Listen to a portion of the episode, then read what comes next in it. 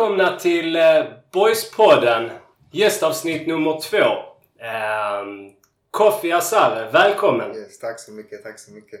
Hur är det?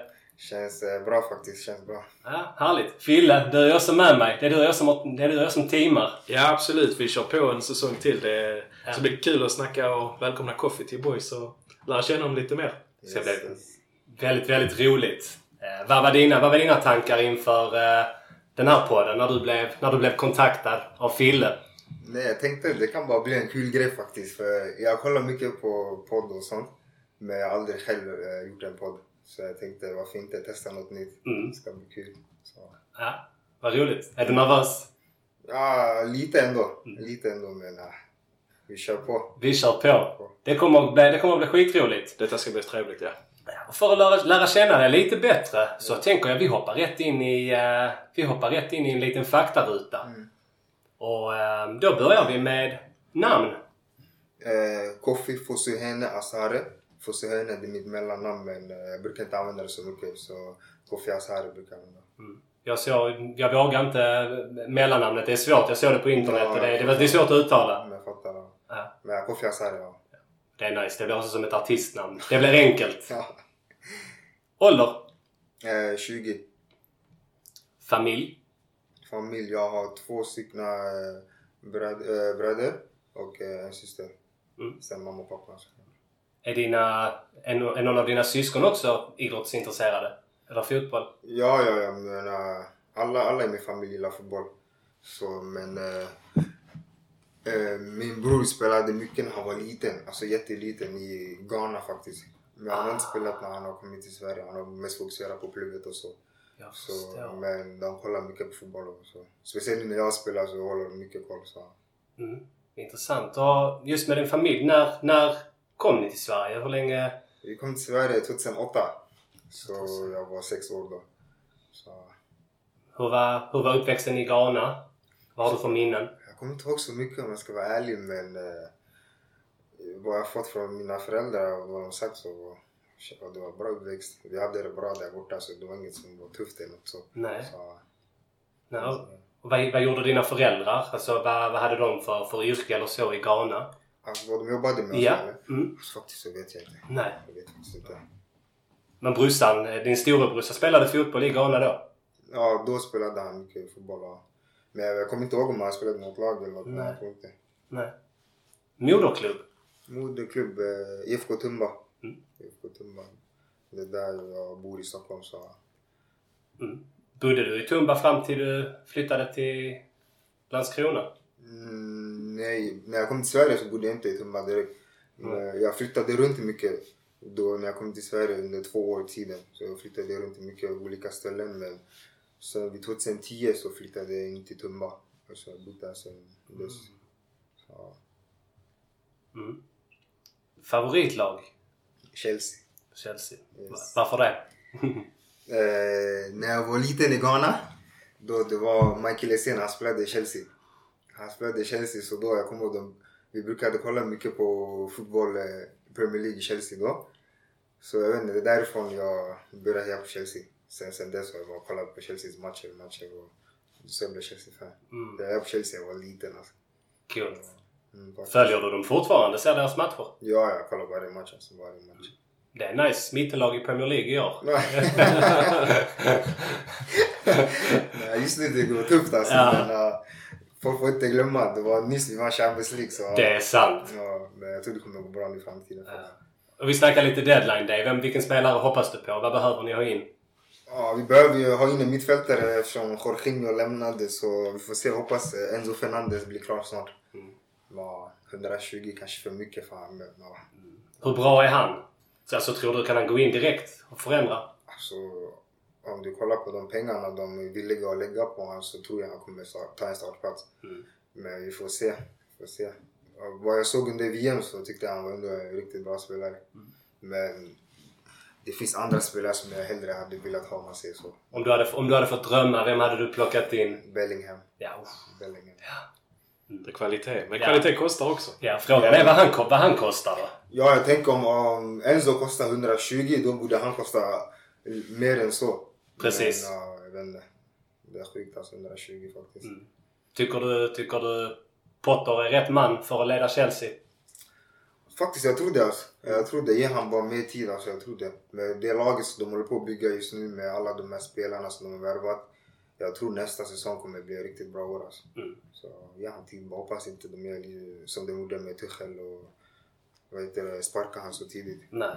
Jag, jag tror att det är ett stort problem inom fotbollen. Där, du vet, det är så mycket pengar investerade. Det står så mycket på spel. Man ger inte tränare Nej. tillräckligt mycket tid. Det finns inget tålamod längre. Inget alls. Absolut inte. Nej, det spelar, jag tror också att Potter är, är rätt man. Det finns, jag menar, de, de plockar ju in honom av en anledning. Mm. Och det får man ju liksom, stå fast vid det och ge det lite mer tid. Ja, det kan man ju titta lite på med boys liksom. Att eh, det tar lite tid att få rätt på saker men Ja. sen en, två, tre, fyra säsonger fram så har man tagit kli- stora kliv och Ja. tålamod lönar sig oftast i längden faktiskt. Verkligen. Ja, ja, tålamod lönar alltid sig faktiskt. Men uh, tyvärr just nu, folk har inte tålamod. Alltså. Nej. Inte bara i fotbollen, men allt annat också. Exakt, det är li- hela livet. Det är, allting är en stress. Allting ska ske nu. Exakt. Och det är samma sak med, med Arteta. Jag vet. Alltså jag, var, jag tror till och med jag sa det till dig. Jag var riktigt var en period jag var förbannad och så nu får de skeppa honom. Men i princip precis efter det började det verkligen vända. Och där ser man också vad tålamod kan ge. Och det, det, det tar tid att sätta sin prägel och hitta sin filosofi. Det, det, det är ingenting du gör på, på månad. Alltså det tar tid. Man får nästan sätta... Liksom, tror man på en tränare och om det inte sker någonting som exceptionellt, liksom, sådär. Då tycker jag ändå man får okej, sätta den planen. Mm. Och så får man utvärdera. Men det finns inte, den, det, finns inte det tålamodet. Nej, faktiskt inte. Ja. Ja, spännande. Guld blir det för Arsenal i alla fall. Känns det som. Vi får Känns det som. Vi får se. Vi får se. Nej, jag tror Arsenal tar den faktiskt i år. Hoppas det. Det, mm, det blir snart eh, hyfsade back-to-back mot, mot City med bara några matchers mellanrum. De matcherna kommer ju bli väldigt viktiga. Ehm, ja, okej. Vidare till eh, faktarutan. Mm. Favoritspelare genom alla tider, vad, vad, eh, vem är det? Genom alla tider eh, R9. Gamla Ronaldo, brasilianaren. Varför? Nej men, vet du alltså sättet han spelade på var, var så här, han kunde, han kunde skapa från inget, fattar du? Så han kunde ta bollen själv, gå, dribbla och sen skapa lägen till andra. Sen hans driv också med bollen, alltså det går så fort när han hade bollen. Jag vet inte, ja, det är någonting som får mig att gilla det. För jag tycker också jag är en liten sån spelare som gillar att skapa grejer själv och så. Så ja, jag är nio skulle jag säga. Ja. Den beskrivningen eh, har man ju sett eh, i dina första träningsmatcher hittills också. Alltså att kvickheten och dribblingarna, precis som Ronaldo hade. Ronaldo kanske var snäppet över i kvalitet än så länge. Men, man vet aldrig, Koffi är ung så... ja, så är det verkligen. Och jag där. Ja, bra. det tror Rätt- vi. E-boys. Ja. Det är nice. Vad har du för intressen utanför fotbollen? Och, så utanför fotbollen så är jag mycket hemma i min eh, hemort där jag brukar vara med mina vänner och familj bara. Så alltså, intresse, intressen så när det bara typ fotbollen. Men utanför fotbollen så, vad heter så är jag med mina vänner där jag kommer ifrån och eh, med min familj. Så. Om när du är med dina vänner och ni är liksom, vad gör ni? Bara hänger ni eller liksom, så det beror på men eh, mest så spelar vi fotboll faktiskt. Är det så? Så Alltså det- street football eller? Ja, exakt. Så det som ni ser på videon så när, när jag dribblar så det kommer därifrån man säger så. Mm. Så mest spelar vi fotboll men annars så vi är som vanliga människor. Ja. Vi hänger med varandra. På sommaren så kanske vi är ute och grillar eller hittar på något och så. så. Det låter chill. Det låter nice. Ja, bara softa. Bara softa och vara med varandra, snacka med varandra, ha kul och så. Mm. Så det är nice faktiskt. Ja. Och det leder egentligen fint in till nästa fråga. Ehm, och den lyder. En person utanför din familj som har betytt extra mycket för dig i fotboll eller i det vanliga? Jag skulle, den här personen så skulle jag säga att eh, alltså det går hand i hand. Han betyder mycket för mig, fotbollen och det vanliga. Och eh, det, han heter Amadou Samake. Det är en kille som har hjälpt mig väldigt mycket sedan jag var ung. Med att eh, inte hamna på fel spår om man säger så. Alltid fått mig att försöka satsa på fotbollen och ja, gett mig goda råd. Och han är med mig än idag och eh, pratar med honom typ varje dag så skulle jag säga faktiskt. Hur, hur lärde du känna honom? Var träffade du honom? Vi är från samma ort i Tumba. Så det var mer att eh, vi spelade fotboll tillsammans. Han är mycket äldre än mig faktiskt. Så jag var ganska liten då. Mm. Så jag brukade få spela med de äldre för jag var ganska bra för min ålder. Så därifrån så märkte han typ att jag, okay, jag hade någon talang. Och eh, tyvärr så kanske väljer inte alla att satsa på fotbollen just så han, han försökte hjälpa mig och många andra ungdomar därifrån och eh, ja, jag säga. Mm. Så hade han någon roll inom någon alltså, ungdomsgård eller var det bara att han var allmänt liksom schysst mot er yngre och ville er väl? Eller jobbade han någonting inom skola eller något?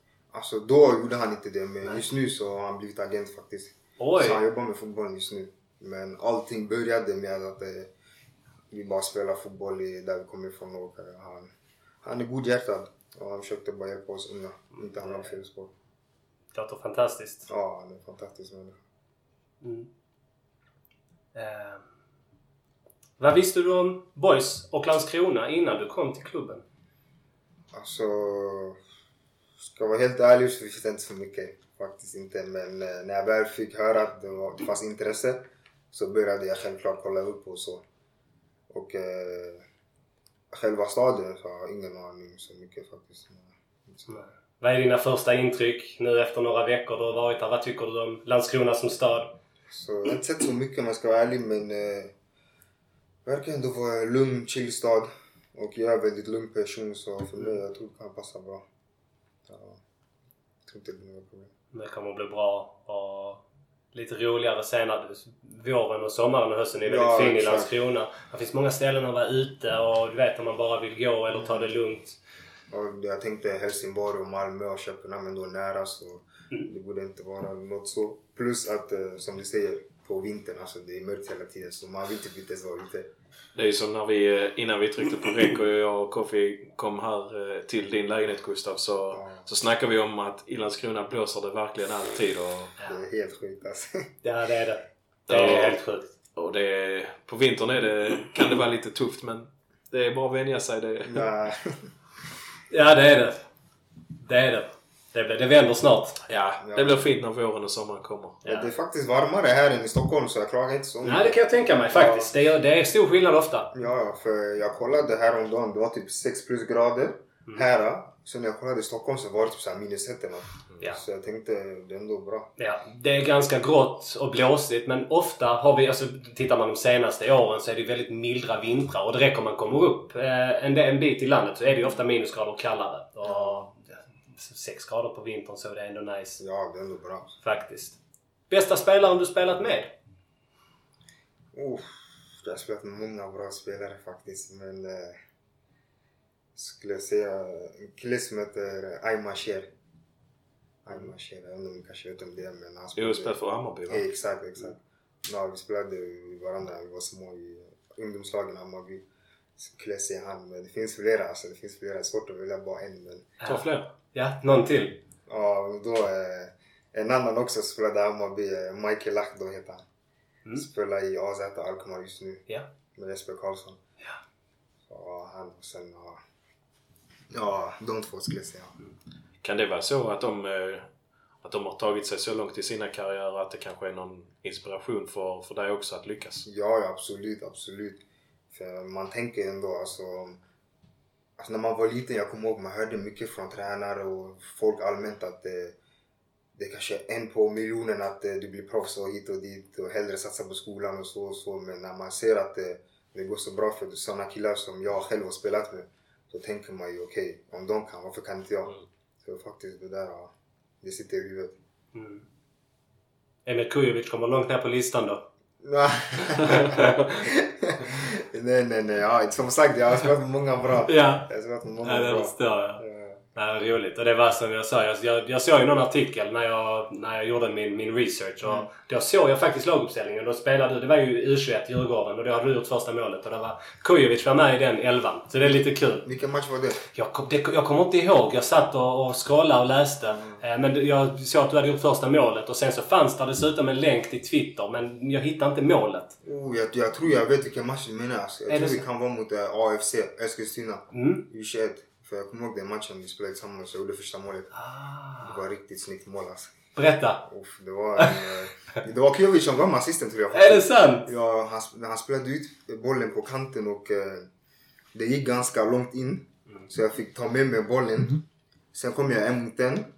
Sen vek jag in, vek jag in och sen ja, bortre krysset. Så knorr. Lite skruv du det, är. var, alltså, det är en av mina finaste mål jag gjort faktiskt. Är det så att du, du trivs bättre att utgå från vänster eller höger? Eller vilket föredrar du? Eller i mitten? Ja, jag föredrar vänster om jag ska. Föredrar vänster. För jag gillar att vika in och skjuta. Mm. Faktiskt. Men jag tycker ändå jag är bra på de andra positionerna också. Mm. Spelat, alltså, under min karriär så har jag spelat framförallt mest som i, nia i mitten. Mm. Så, men senaste tiden så gillar jag vänster. Ja, det är spännande. Det kommer vi komma vidare till och grotta ner oss till. Grotta ner oss i. Ehm, ja, bästa spelaren du mött? Mött. Mm. Den där är svåra. Mm. Så jag vet inte. Jag, när jag spelar matcher jag brukar inte tänka så mycket på andra laget. Alltså. Faktiskt inte. Alltså, jag har mött många bra såklart men Mm. nej, det är en svår fråga. Jag, vet inte, jag kan inte säga en. Nej. Nej. Ja, det låter ju som en, som en bra egenskap också. Att inte bli rädd för motståndaren och tänka på vem de är utan att man gör sin egen grej. Nej, jag, försöker, jag vill inte ska låta kaxigt. Nej, det gör det inte. Det, jag vet inte, jag tänker bara på mig, själv och mitt lag. Jag tänker inte så mycket på vad andra laget har. Nej.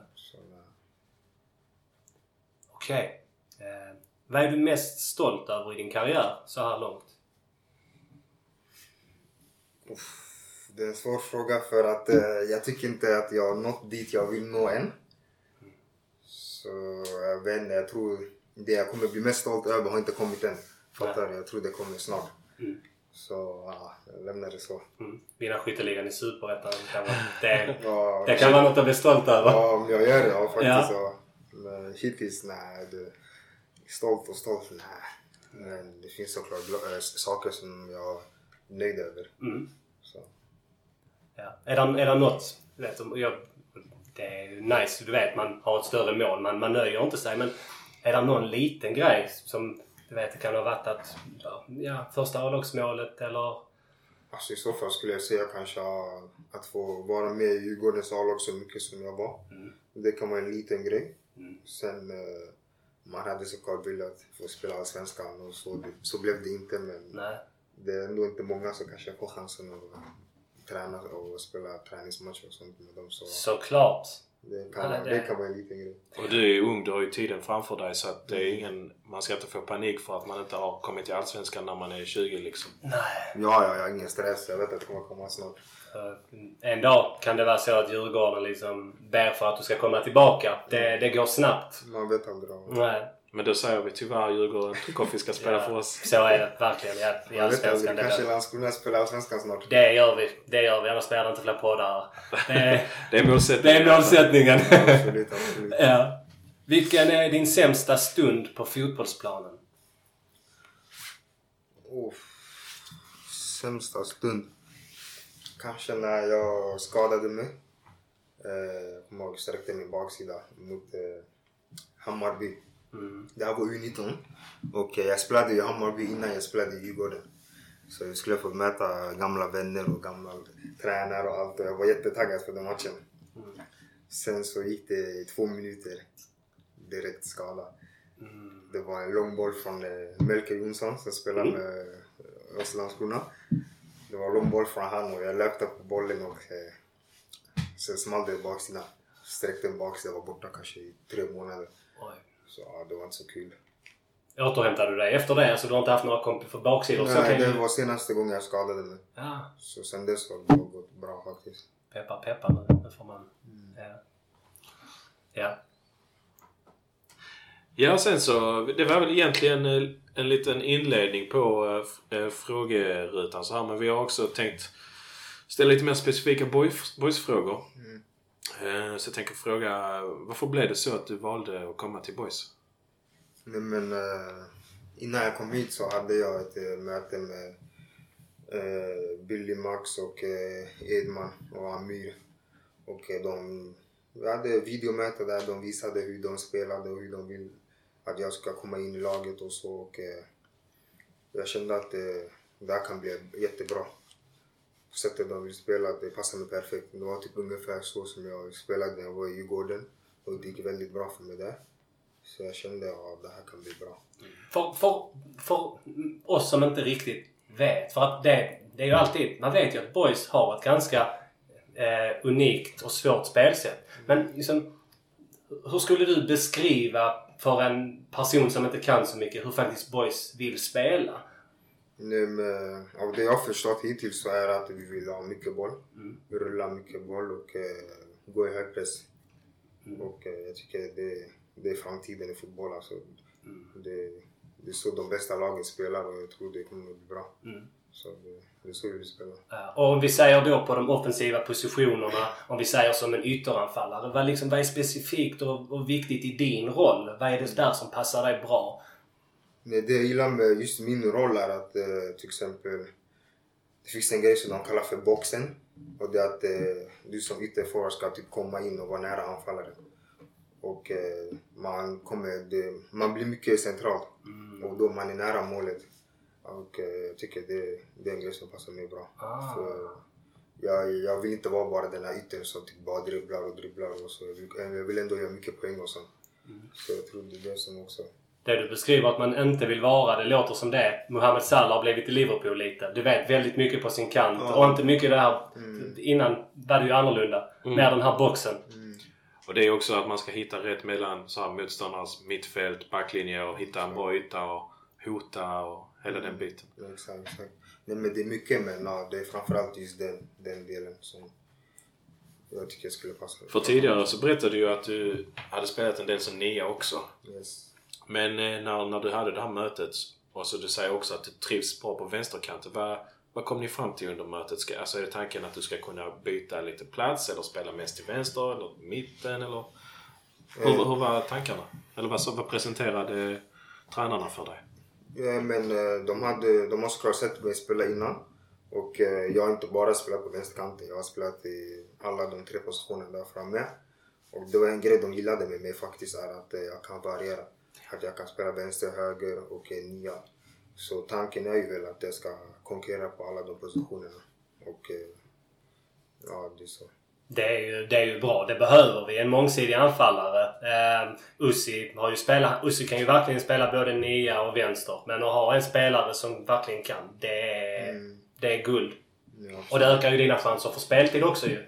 det är sant också. Så, ja. Man vet ju aldrig med, så här med skadesituation och sånt. Alltså, Yes. Vissa spelare kanske har råkat vara borta länge och då är det bra att man kan kunna använda Koffi på den platsen eller på den platsen eller på den platsen. Alltså, ju mer mångsidiga spelare man har desto bättre för tränarna såklart. Yes, men det är ju så om du, alltså, om du kan bara spela på en position, en position. Alltså, som du säger, det blir ju svårare för dig också. Så om du kan spela på många positioner, det ökar ju chansen för att få spela mer. Ja. Så, Och sen är det också så, alltså just nu så spelar Boys 3-4-3. Sen det kan ju ändras. Alltså för några år sedan så spelade vi Exakt. 4-3-3 istället. Så man vet aldrig. Det kanske blir ändringar. Även om det kanske är inte jättestor skillnad för en anfallare så eh, skiljer det ändå lite Ja, grann liksom. Hur man ska positionera sig och ja, hur brett man ska spela, hur tight man ska spela. Yes. Det blir spännande. Ja. Eh, hur känns det att komma till en klubb som eh, väldigt många människor bryr sig om? Du spelade ju för Sandviken tidigare och det är väl också en klassisk klubb men Landskrona Boys är ändå ett steg upp om man säger så. Ja, absolut. Men jag tycker det, det är roligt faktiskt att eh, det är många som bryr sig om klubben och eh, jag kan tänka mig det är mycket folk på matcherna och så och eh, jag älskar sånt alltså. Alltså fansen betyder ju allt. Så jag tycker det är nice faktiskt det. det är faktiskt bra. Var ser du dig själv om två säsonger? Om två säsonger. Alltså, jag ser mig... Jag ser mig själv ganska högt upp faktiskt. Alltså, ja, jag tror jag spelar någonstans utomlands. Det är vad jag tror. Sen får vi se. Jag måste jobba hårt för det också men ja, det tror jag faktiskt. Någonstans utomlands. Mm. Och det, det är höga ambitioner, vilket jag tycker är helt rätt. Men om man, du vet, om man då, jag förstår det, det är svårt, men om man då tänker okej, okay, två säsonger. Vad tror du kommer, krä, alltså, vad kommer krävas av dig de här två åren för att, du vet, kunna hamna utomlands? Vad tror du vad kommer krävas av dig denna säsongen, nu debutsäsongen till exempel, för att liksom, skapa rätt förutsättningar? Alltså, det kommer krävas ju såklart uh, göra mycket poäng. Mm. Mål och assist och uh, ja, försöka vara bäst alla matcher man spelar. Och uh, ja, hårt jobb som hårt jobb man måste lägga ner. Och uh, ja, det är det. Mm. det, är det. Jag tror faktiskt på mig själv och jag tror faktiskt att jag kan hamna utomlands inom två år. Mm. Ja, för det kommer ju in på den här nästa fråga som du nästan har svarat på precis. Men vad är, vad är målsättningen med tiden i Boys? Så målsättningen är att göra det så bra som möjligt här. Sen försöka hjälpa klubben så mycket jag kan med poäng. Och, eh, ja, det hade varit en dröm att försöka, eh, det hade varit en dröm att få boys till Allsvenskan. Det hade varit en, en stor dröm. Men, ja, det hade, väl, det hade väl varit en perfekt tvåårsplan då. Upp till Allsvenskan, sen göra en bra säsong i Allsvenskan. Mm, och sen, sen Alkmaar eller någonting. eller Chelsea. eller Chelsea. Ja. Man vet inte. De, de var ju spelare ja, från Skandinavien eh, precis från norska ligan. Ja, exakt. Han ja. Eh, Fofana va? Ja, ja. Så det, det går att ta det går. snabba kliv mm. till de stora ligorna. Det är inte omöjligt. Om Potter får fortsätta så kanske det finns en plan för dig. Ja, just det. Han är ju från Östersund också. Så. Precis! Ja, jag ska ringa honom. Ja, det får du göra. uh, ja, vi var också lite inne på det här också. Men vill du berätta mer om hur det gick till när du skrev på för Boys? Alltså, jag fick, eh, fick samtal från min agent och han sa att eh, Landskrona var intresserade av dig. Att de hade sett dig spela och så och eh, de trodde det hade passat in perfekt i hur de vill spela. Och eh, just då så visste jag inte så mycket om Landskrona om jag ska vara ärlig men när jag väl sa det så kändes det ändå som en... Alltså, det blev intressant för mig faktiskt. För det är ändå högre upp än vad jag spelade innan. Så direkt så gick jag och började kolla lite på gamla matcher och så.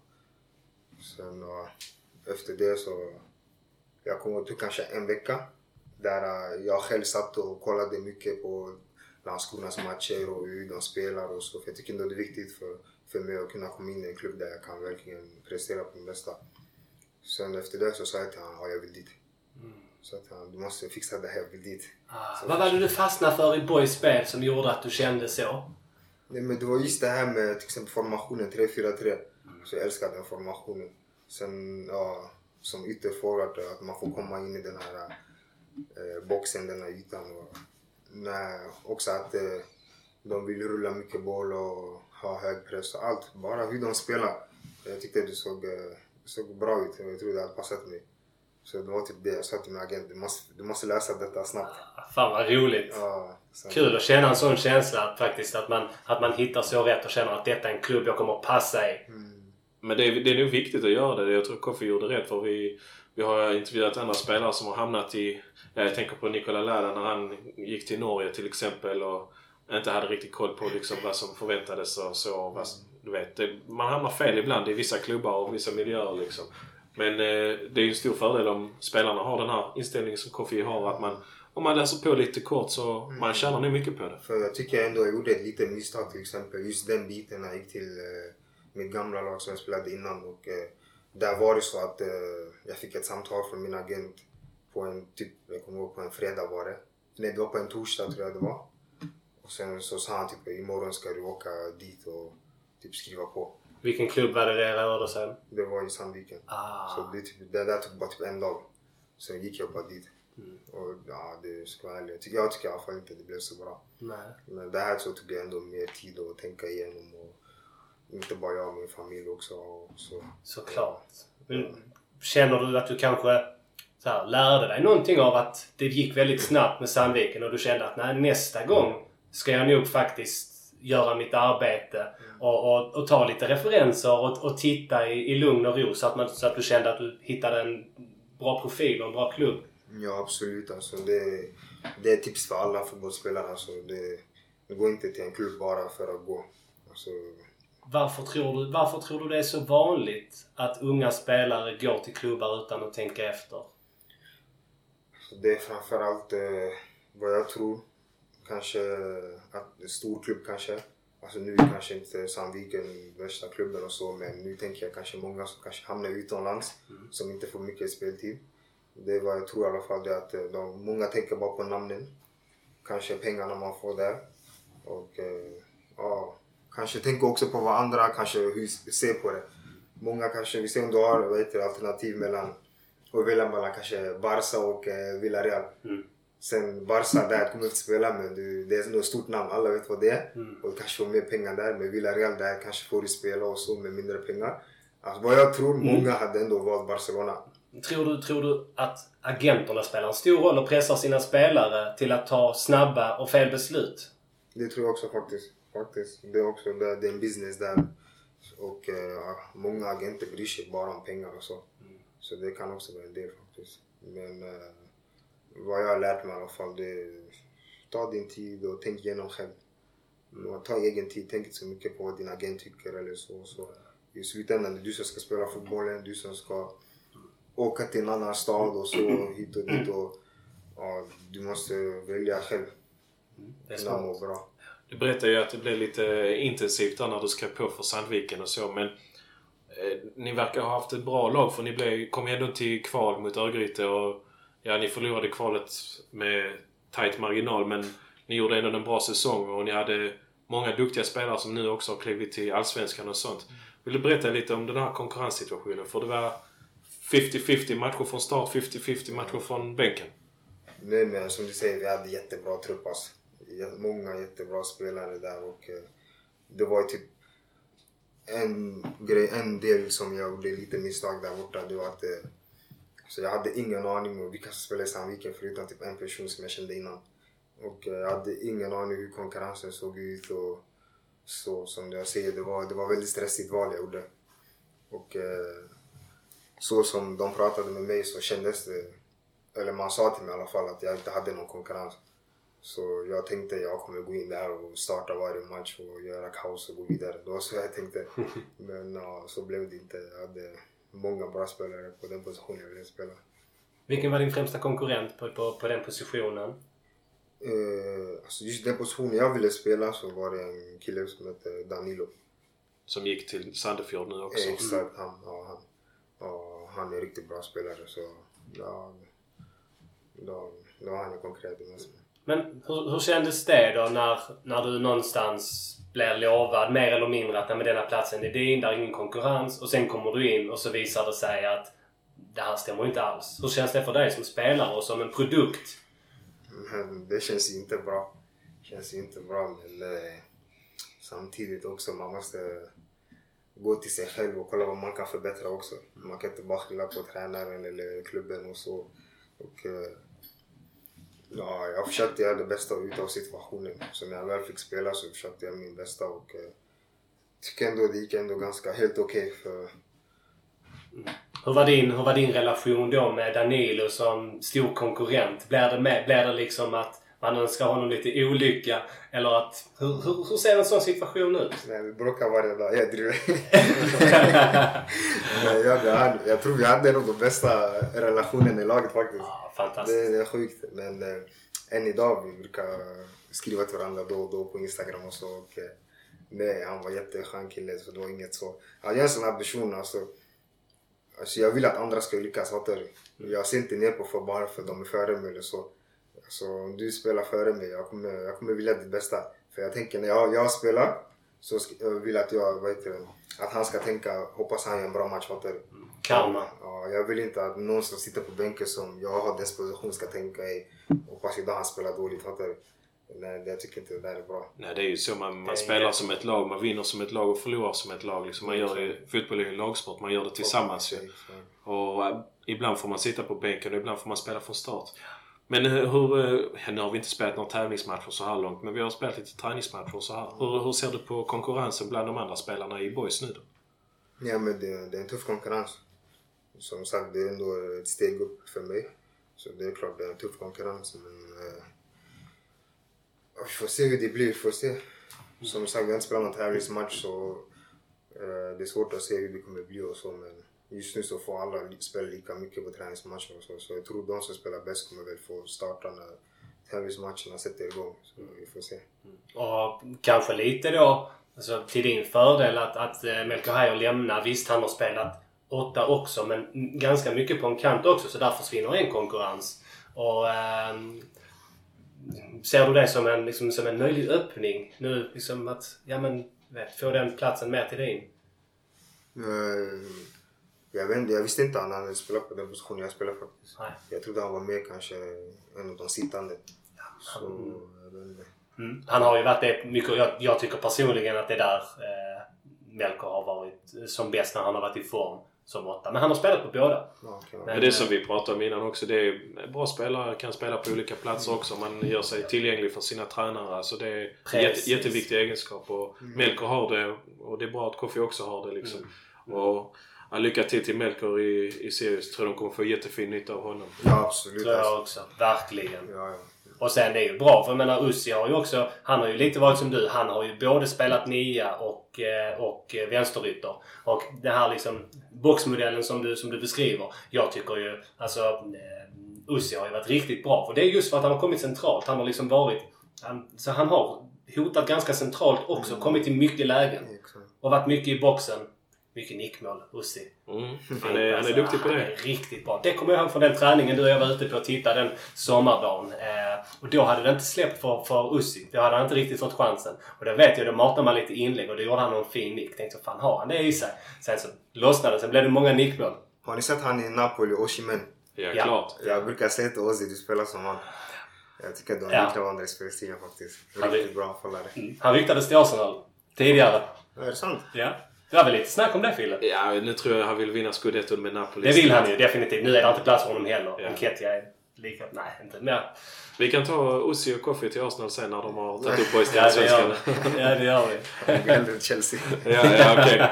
Du får Chelsea istället. Men eh, vad har du då för intryck utav boys eh, ja, som klubb och, och som lag? Och, ja, berätta lite. Ja, alltså, jag tycker... Jag har varit här kort tid men eh, jag tycker det känns fantastiskt faktiskt. Alltså, jag hade inte de här förväntningarna att jag skulle komma in i, laget och klubben så fort som jag gjort. Jag tycker grabbarna och all, alla omkring är jättesköna och jättesnälla. Och verkligen hjälpt mig att komma in i laget. Så jag tycker jag har bara positiva känslor. Vad finns det då för till exempel, eh, alltså gör ni någon sån här aktivitet med laget? Att ni träffas, att ni, ah, vad vet jag, fikar tillsammans, att ni har frågesport eller Alltså har ni någon sån eh, typ, eh, vad heter det, teambuilding-övning som man gör så att man ska bli sammansvetsade lära känna varandra? Eller är det bara att man spelar fotboll tillsammans, duschar tillsammans, snackar i omklädningsrummet eller hur går det till liksom? Nej, just nu så har det bara varit att eh, vi, vi har inte haft någon så här aktivitet eller någonting. Jag vet inte, det kanske kommer i framtiden. Jag vet inte. Det kommer ju träningsläger snart Ja, också. exakt. Just det. Ja. Så där kommer man ha chansen att få känna alla lite bättre och så. Men just nu så har det bara varit vanligt att man tränar och sen omklädningsrummet. Man får inte ha sin mobiltelefon i omklädningsrummet. Mm. Så jag tror det är en väldigt bra grej faktiskt. För då är du tvungen att typ prata med folk. Annars så sitter jag bara och ser lite dum ut. Mm. så det är en riktigt bra grej. Vem har varit lite extra schyssta mot dig? Vem hänger du med? Liksom nu i början. Alltså, början den som hjälpte mig mycket var Svante faktiskt. Mm. Svante, ja, det, han sitter bredvid mig. Ja. Och det finns en grej att man, det finns, man, man får mycket böter och så. På olika regler. Och eh, jag är kanske lite sådär att eh, jag tänker inte så mycket. Så Svante har hjälpt mig väldigt mycket faktiskt. Ah, swishar du honom halva böterna? Vi snackade om det faktiskt. ja, jag fick 400 den här månaden. Om inte det var för Svante som hjälpte mig så tror jag att det kanske legat på 1000 uppåt alltså. Det, Oj. Ja, faktiskt. är det att du kommer sent eller glömmer mobilen? Vad, är det, vad får man böter för i, i Alltså, klubben? det, det är sjukt alltså. Det är det är en lapp där det kanske är 20 grejer alltså. Och jag i min hjärna alltså, jag får inte ihop allt alltså. Det är att man får inte ha mobilen. Man får inte ha typ tofflor eller skor på golvet. Man måste ha tofflor när man går in och duschar. Man får inte ha sina... Alltså det är så mycket, det är så mycket. Men, men gillar du listan eller tycker du den är krånglig eller så? Alltså, ja, den är krånglig alltså. Den är krånglig. Tycker du det är rätt att ha så många grejer man kan bli bötfälld för i ett fotbollslag? Alltså jag tycker vissa grejer är rätt men ja, kanske inte allt. Kanske inte allt men ja. Vem är det som är, vem är, det som är ansvarig? Eller är det, finns det någon som står så ah, ah, ah, Koffi, eh, glömde skorna idag. Ja, det finns det. Är det så? Man har den eh, Yes. kulturen i omklädningsrummet? Att det man finns passar för som varandra? står med en liten lapp och kollar runt och ser vad alla gör fel och skriver. Vill du berätta vem eh, den mannen är? Eller? Nej. Vi sparar det. Vi sparar det. Det är bra. Det. Ja, men roligt.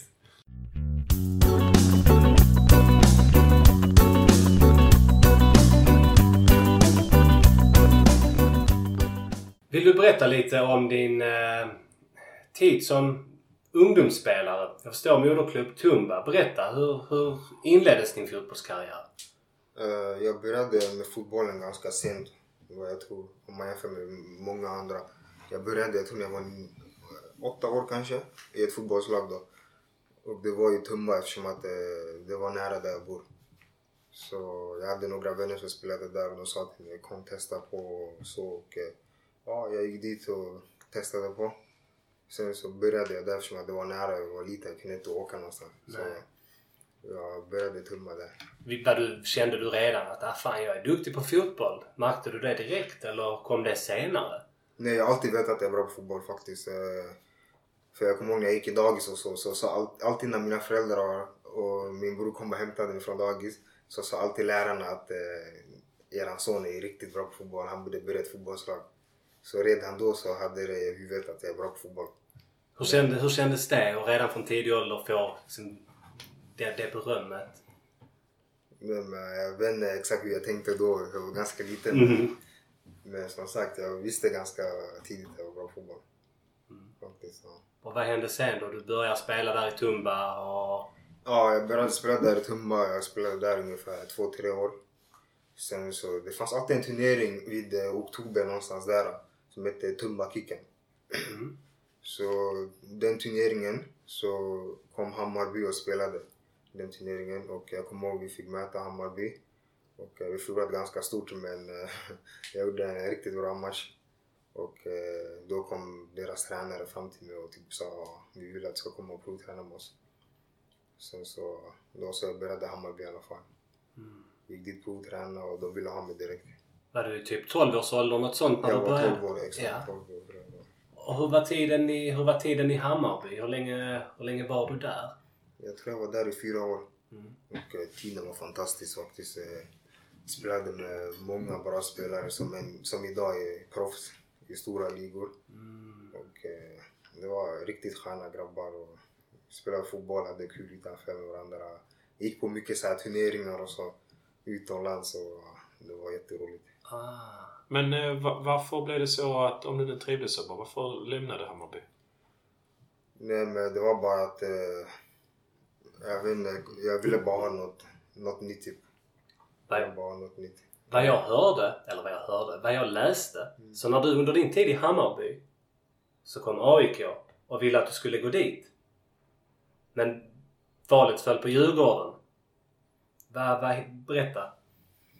Nej men eh, ja, som du säger när, när, när folk fick reda på att jag ville typ lämna Hammarby så, så hade jag chansen att gå till AIK och eh, Djurgården.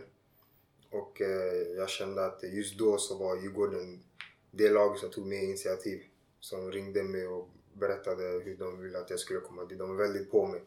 Och eh, jag, hade, jag kände redan lite deras eh, tränare där innan också. Så jag tror det var därför det hamnade på Djurgården. Mm. Och, och det, är ändå, det måste ju ändå ha varit en prestige för vad det verkar. Du var ju liksom eftertraktad av Stockholmsklubbarna, de stora. Och valet fall, faller då på, på Djurgården och du är typ där i 15-16 års åldern. Och då börjar man ju ändå någonstans börja liksom kunna nosa på ett A-lag. Man är inte riktigt där, men jag förmodar att du var där i tankarna. Vad målade Djurgården upp för bild och liksom, vad, vad fick du för plan? Så just då så, ska jag vara ärlig, så tänkte jag inte så mycket på A-lag då. Jag kommer ihåg det var då jag spelade i U17. Och eh, det var en grej som gjorde så jag valde också i Djurgården var att eh, de lovade mig att jag skulle få spela mycket med deras U19. Och jag kände då att eh, jag var redo för det klivet. Och just det där så fick jag inte jag fick inte det där från eh, Hammarby och eh, AIK just då. Så då också det också att jag valde att spela för Djurgården var att eh, de lovade mycket att jag skulle få spela i U19. Tycker du att eh, den eh, klubbflytten, alltså från Hammarby till Djurgården, har det gett eh, mycket för din utveckling? Ja, skulle jag säga faktiskt. Skulle jag säga. På vilket sätt? Nej men... Eh, jag tror, vad heter det? Jag har sättet Djurgården spelade fotboll i alla fall. I ungdomslagen i alla fall.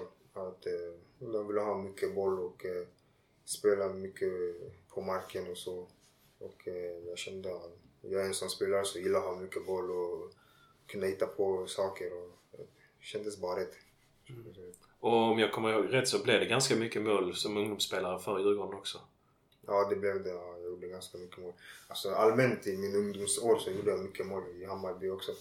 Så det blev mycket mål också. Och sen så, det blir ju en, en utlåning till Haninge, eller hur? Och alltså, fanns det... Hade du hoppats på mer med tanke på att du var så framstående i ungdomslagen i Djurgården? Så blev, blev du besviken över att du inte fick en, en mer ärlig chans i A-laget? Eller hur, hur, hur var känslan för dig? Ja, eller... Inte om jag säger besviken, besviken men alltså, än idag så vet jag inte exakt varför jag inte fick chansen om jag ska vara ärlig. Men ja, om du kollar på min statistik och så, Den är så sjuk. tycker jag ändå att jag kanske borde ha fått någon inhopp där och då. Och kanske i alla fall få sitta på bänken. Fick du någon förklaring? Nej, faktiskt inte. Inte så, nej. För alltså, i mitt huvud så kändes det som att eh, allt gick bra. Allt flöt på. Och sen så blev det som en käftsmäll att ja, du kommer inte få till kontrakt. Ja, vad sa de till dig? Nej, det var bara så att eh, jag kommer ihåg eh, efter den säsongen 2021. Jag hade ju satt in mål i U19 och U21. Mm. Tränat mycket med A-laget och allt, allt kändes bra. Alltså, I mitt huvud så tänkte jag redan okej nästa år så spelar jag Allsvenskan. Mm. Och då typ så det lät när man snackade med sportchefen och så också. Så ja, jag kommer ihåg jag, efter att ha varit i Haninge. Jag var i Haninge bara i fyr, tre, tre, fyra matcher. Tre matcher, två mål. Ja, tre matcher, ja, exakt. Så efter det där så förväntade jag att jag skulle starta upp med A-laget. Men då så sa man att ja, du kommer inte få starta upp med A-laget. Och jag fick faktiskt ingen förklaring. Så efter det så tänkte jag okej, ja, jag har väl ingen framtid i den här klubben. Var det, var det tränarna eller var det sportchefen som hade tagit det beslutet att satsa på andra spelare? Jag, jag är inte hundra men jag tror det var tränarna. Jag tror det var tränarna. Och det ska man ju komma ihåg att Djurgården är en stor klubb och det, det är väldigt hård konkurrens och de är framgångsrika men man kan ändå tycka att kommunikation är, är viktigt och det är, eh, lite situationer har vi haft i Landskrona Boys också där kommunikation inte har varit tillräckligt bra men förhoppningsvis så, så har väl Boys lyssnat och tagit det till sig för att det är jätte, jätteviktigt att spelarna mår bra och är man i en situation där man inte får speltid eller eller inte får, eller att man går och undrar över saker. Att man åtminstone känner att man kan prata om saker och ting. Ehm, jag tror och hoppas att boys kan eh, lära sig lite och bli bättre på det. Precis. Jag, jag, jag tror ett stort problem, ett stort problem i fotbollen, det börjar för att ofta, de som är ledare, de har ofta varit trän eller varit spelare. Spelare är ofta stöpta i jävligt liksom, manliga, tuffa kulturer. Det är inte mycket känslor. Det, är, det kan vara väldigt mycket liksom, mobbarkultur. Det är väldigt mycket tystnadskultur. Och jag tror att alldeles för få spelare faktiskt får bra förklaringar. Utan det blir mer... Du vet, för de, folk kan inte kommunicera.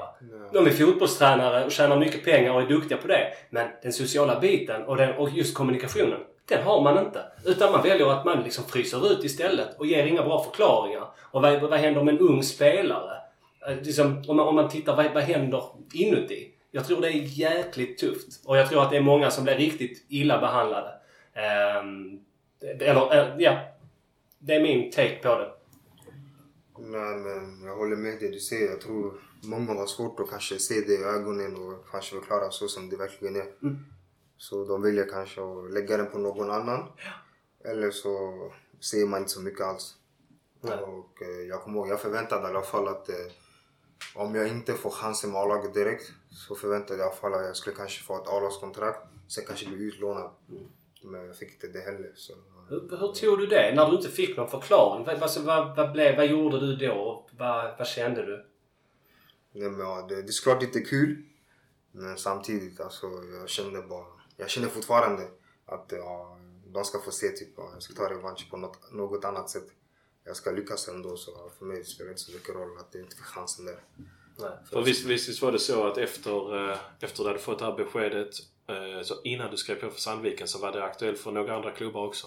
Ja, exakt. Eh, Jag kommer ihåg jag tränade med Brommapojkarna ganska länge. Och där också, det var typ likadant. Alltså jag fick inte... Jag var med dem kanske hela januari tror jag det var. Och eh, jag fick inte heller någon så här, förklaring där också. Så här, jag, jag tränade, tränade, tränade, tränade, tränade, spelade match, tränade, tränade, tränade. Och sen så ringer min agent mig och bara imorgon ska du, imorgon ska du vidare. Så fick ingen förklaring. Så jag gick bara vidare. Så det blev inget med dem heller. Ja, jag, jag, jag kan bara tala för mig själv. Alltså, jag hade ju inte klarat av att leva i en, i en uh, fotbollsvärld. Alltså, jag hade nog inte pallat det rent psykiskt. Och få liksom gå igenom det. Och sen så, vet, vara helt lämnad till råttorna. Man måste ju känna sig väldigt ensam. Det är du och din agent. Du vet, en hel klubb överger en. Och sen så, du, nu, nu ska du vidare. Alltså, vilken jävla... Vidare vadå? Vad händer nu?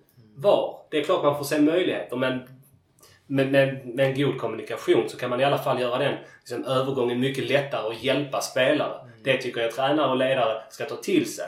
Och sportchefer och så vidare. Att bli bättre i sin kommunikation. Det tycker jag spelare förtjänar. Det är inte bara, liksom, man är inte bara en produkt utan man är en människa också.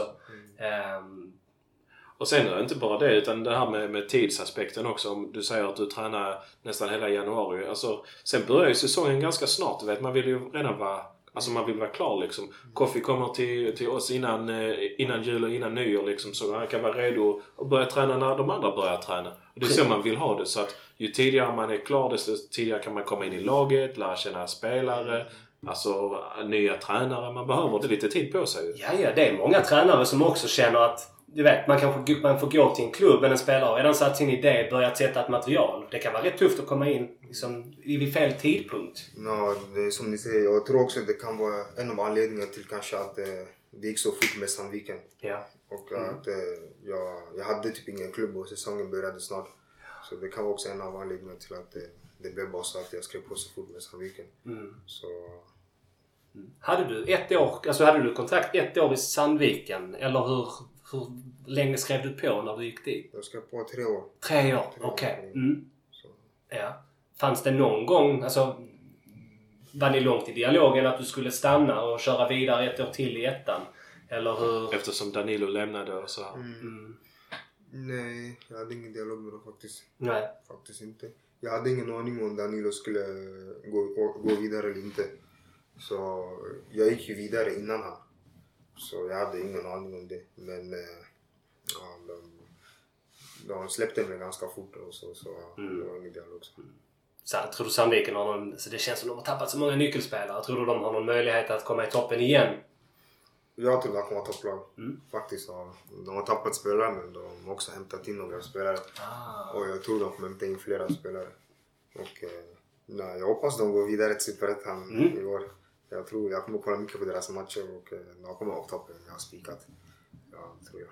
Ja, vad roligt. Vilken, vilken är, alltså har du haft någon tränare som har varit extra bra mot dig under din, under din fotbollskarriär? Som... Jag har haft många. Mm. Många bra faktiskt. I Hammarby så jag eh, typ alla tränare jag hade Hammarby var jättebra mot mig. Mm. På sitt sätt. Och eh, Djurgården också. Så, så alla mina ungdomsår så tycker jag haft alla tränare som har alltid hjälpt mig mycket och varit på min sida. Och, och så. Men, Vad är intrycket av eh, boys-tränare så här långt? För det är många nya spelare som kommer hit som, som upplever att, att boys träningar är väldigt noggranna, väldigt strukturerade. Att många säger att ja, men, när jag har pratat med tränarna och sagt att man blir liksom lite imponerad. Vad, vad är det som, eh, hur, hur känner du när jag påstår det och vad, vad i så fall är bra med Billy och Max? Mm, nej, jag älskar dem. Alltså, det, jag, har haft dem så, jag har haft dem bara en månad men som du säger, de är väldigt noggranna och sånt. Och jag älskar det. Jag, vill, jag är ung spelare, jag vill vidare i min karriär och eh, eh, det känns som att de vill verkligen få ut den bästa av en.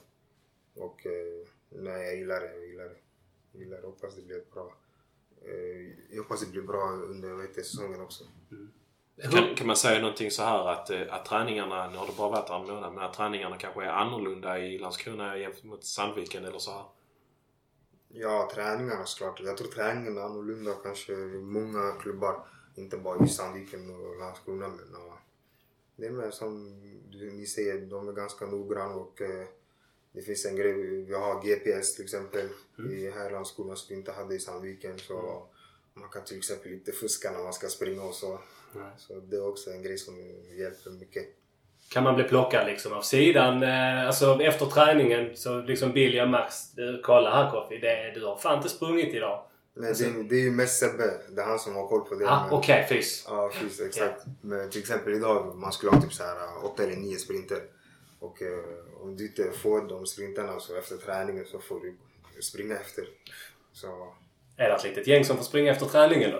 eh, ja, det brukar vara några som får springa efter. Ja. Ja, det är Hårda bud. hårda bud ja. Men det är så. De vill ju man ska få de sprintarna så under träningen. Så om du inte får under träningen så betyder det att du inte kanske gjort ditt bästa eller så. Så får brösten springa efter. Ja. Hur är, Och det är också en sån egenskap som man eh, pratar mer och mer och mer om i, i fotbollen. Alltså just sprints och höghastighetslöpningar. Ehm, eh, hur ser du på den typen av fotboll? Jag har ju sett på dina träningsmatcher hittills att du är ganska kvick och snabb och så här. Eh, hur, kan man, ehm, hur kan man märka det i, i spelet när du spelar fotboll? Så menar du? Nej men jag tänker så här att vissa lag så spelar ju med... Boys spelar inte så mycket med djupledsspel på... Inte med långa bollar i alla fall utan det är mer kortpassningar och sånt men att man har, eh, kan dra fördel utav liksom eh, snabbheten på andra sätt. Till exempel som när vi pratade innan om att man kan hitta in i boxar och sen löpa ut istället. Ja, men det var också en av de grejerna att eh, när jag blev... När jag pratade med dem innan jag skrev på var också en av dem att eh, kanske den speltypen som... Den spelstilen jag har kanske inte finns här. Och eh, de, de tyckte det var väldigt intressant att få in just den spelstilen hit. Och eh, ja, jag tror det kommer bli bra. är du, tillhör du så en av dem, du får vara kaxigare, tillhör du en av dem i laget liksom, som har bäst teknik skulle du säga? Alltså rent utmana att ta sig förbi. Såklart. Det, det kan jag svara. Jag kan Ja, svara för ja. Koffi. Det ser Ja, man, det- det ja, ser man det är direkt. bra. Det Ja. ser man direkt. Ja, lite tunnlar och fina grejer. Det var svaret där. Ja, ja det är bra. Ja, det är Nej, det är inte schysst att ställa den grejen så.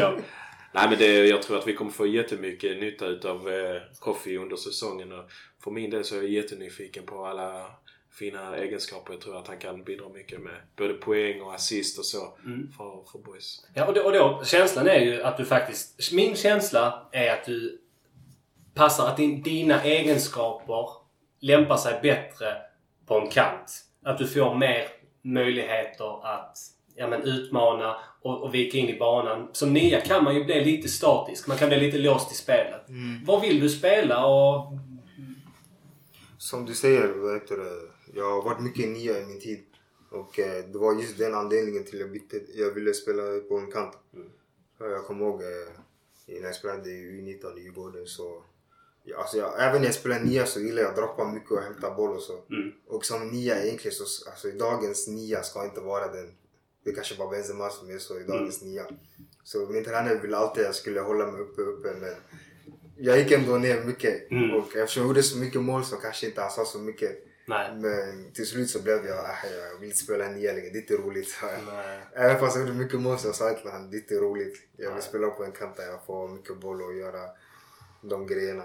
Man märker ju det på, man märker det också på riktigt, riktigt spelskickliga nior. Du vet, de blir... man- Alltså tålamodet tryter lite, ligga där på rulla hela tiden. Tittar du på spelare som både Kane och Zlatan. Det är ju spelare som verkligen gillar att komma ner. Men skillnaden på dem är ju att de är inte exklusiva av den tekniken. Så... Och jag, jag tycker faktiskt... Visst, Ussi har varit bättre på en kant än centralt, tycker jag. Men Ussi har större nia Alltså du vet, han har ju ändå de attributen och att han är ju alltså, riktigt bra på huvudet och han är lite, lite längre än dig också. Han är lite mer box, tycker jag. Hur är du på huvudet? Uh, helt okej. Mm. Helt okej. Bättre än Ussi? Jag vet inte. Han, är ganska, han är längre med sig. Ja, han har en sjuk spänst Ja, alltså. han hoppar högt alltså. Han hoppar högt. Ja. Faktiskt. Vet inte. Vi får se. Kanske testa på träningen. Mm. Någon slår inlägg så vi får se vem som kan göra mest nickmål. Jag vet inte. Mm, ja. Men är det, är det nia, eller eh, förlåt, är det kant som det känns som att det är där du kommer att spela? Är det så du har... Alltså, om jag får gissa så tror jag det. Mm. Så tror jag det. Mm. Sen så tror jag jag kommer flytta runt mycket på alla de positionerna. Ja. Men om jag får gissa så tror jag det är mer på en kant. Mm. Så vi får se. Vi, eh, det var ju Landskrona, den andra Landskrona, Landskrona Boys-podden var det väl, hade ju en intervju... Nej, vem var det som intervjuat Zavic? Det var vi! Jag vet inte. Nej, herregud. Men för, inför förra säsongen. Och han satt en ganska hög ribba. Eh, han, han vill göra väldigt många poäng. Mm. Har du något, har du något mål? Så att han så här många poäng ska jag göra. Eller vill jag göra? Så ja, jag... Jag har inte satt någon så här ribba om hur, hur mycket jag vill göra och så. Nej. Men det är klart man vill ju göra så mycket poäng man kan. Det som var synd, synd för hans del var ju att han lyckades inte få så mycket speltid som han kanske hade räknat med. Liksom. Och det är ju återigen det, man vet inte. Det är svårt att komma Ja. till ny klubb och man ska komma in i spelet och sånt. Men Koffi har den fördelen i alla fall att han har ju åtminstone varit, spelat mycket A-lagsfotboll. Det hade ju inte Robin innan han kom till, till Boys. Liksom. Han har varit avbytare mestadels och Koffi har ändå spelat en hel del matcher från start och gjort en del mål för, för Sandviken också. Så förhoppningsvis så kan Koffi göra många mål för oss också. Ser, ser du dig som en startspelare i premiären? Är det, är det målet? Ja, det är klart det är målet. Det är klart. Det, ingen spelare vill sitta på bänken. Nej. Alla vill starta och eh, det börjar med på träningarna. Man måste visa. Alla krigar för sin plats. Sen får vi se. Då tror jag väl att vi ska säga ett stort tack för Koffi som tog sig tiden. Eh, och tack till alla boysar som har lyssnat på oss. Och eh, snart är Boyspodden tillbaka med eh, nya intervjuer med nyförvärv. Där jag kom faktiskt på en sak innan vi avrundar. Vi hade ju en fråga från... Ehm, eh, från, Från eh, Vincent. Från Vincent. Just det! Den får vi inte missa. Nej men vi kör den då. Frågan- Det var ju så här, eh, Vincent, eh, vi, Vincent ville passa en fråga till dig. Okej. Eh, Han undrar hur det ska kännas att möta Djurgården igen. Oh, alltså den matchen alltså. Det, jag har tänkt på den matchen länge alltså. Jag tänker på den fortfarande. Varje dag innan jag går och lägger mig så tänker jag på den matchen. Nej, det ska bli jättekul att få möta Djurgården igen. Och, jag kände vissa där och, och eh, spelade där för bara något år sedan. Så på Tele2 också. Det kommer vara jättenice. Det Mycket, kommer bli mycket folk och... Uff, mycket folk och första tävlingsmatchen. Ja. Om du gör mål, hur kommer du fira? Blir det en hyschning? Det får vi se, det får vi se. Händerna bakom örat Händerna till... bakom örat. Vad sa ni nu då? Sett Oh. Adebayor? Nej, det var Ja, precis. Jajamän. Ja, det är bra. Nej, får se. Vi får se. Men ja, den matchen längtar jag mycket till oss. Ja. Synd att den inte är på en helg. Men ja, ja. Just det, det är på en måndag va? Ja. Måndag, tisdag något sånt. Fattigt. Jag tror det var någon jävla konsert på Tele2 eller någonting på... Jag vet inte. Ja, det är tråkigt i alla fall. Okej. Ja, vi, eh, vi avrundar där och vi säger stort tack till Koffi. Stort tack för alla som har lyssnat och på återhörande. Heja boys! Heja boys! Heja boys! Kan lita dig tillbaka. Du kan drömma lite grann Som om Gud var lika randig Han som sinne din sida.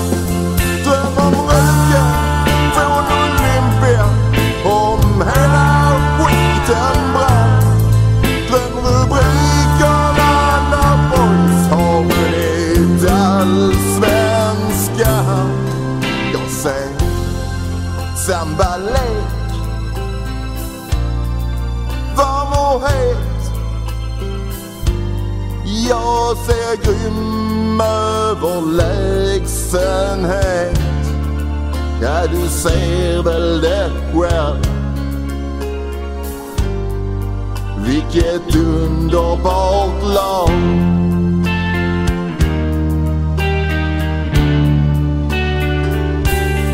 Ja, du ser väl det själv Vilket underbart lag.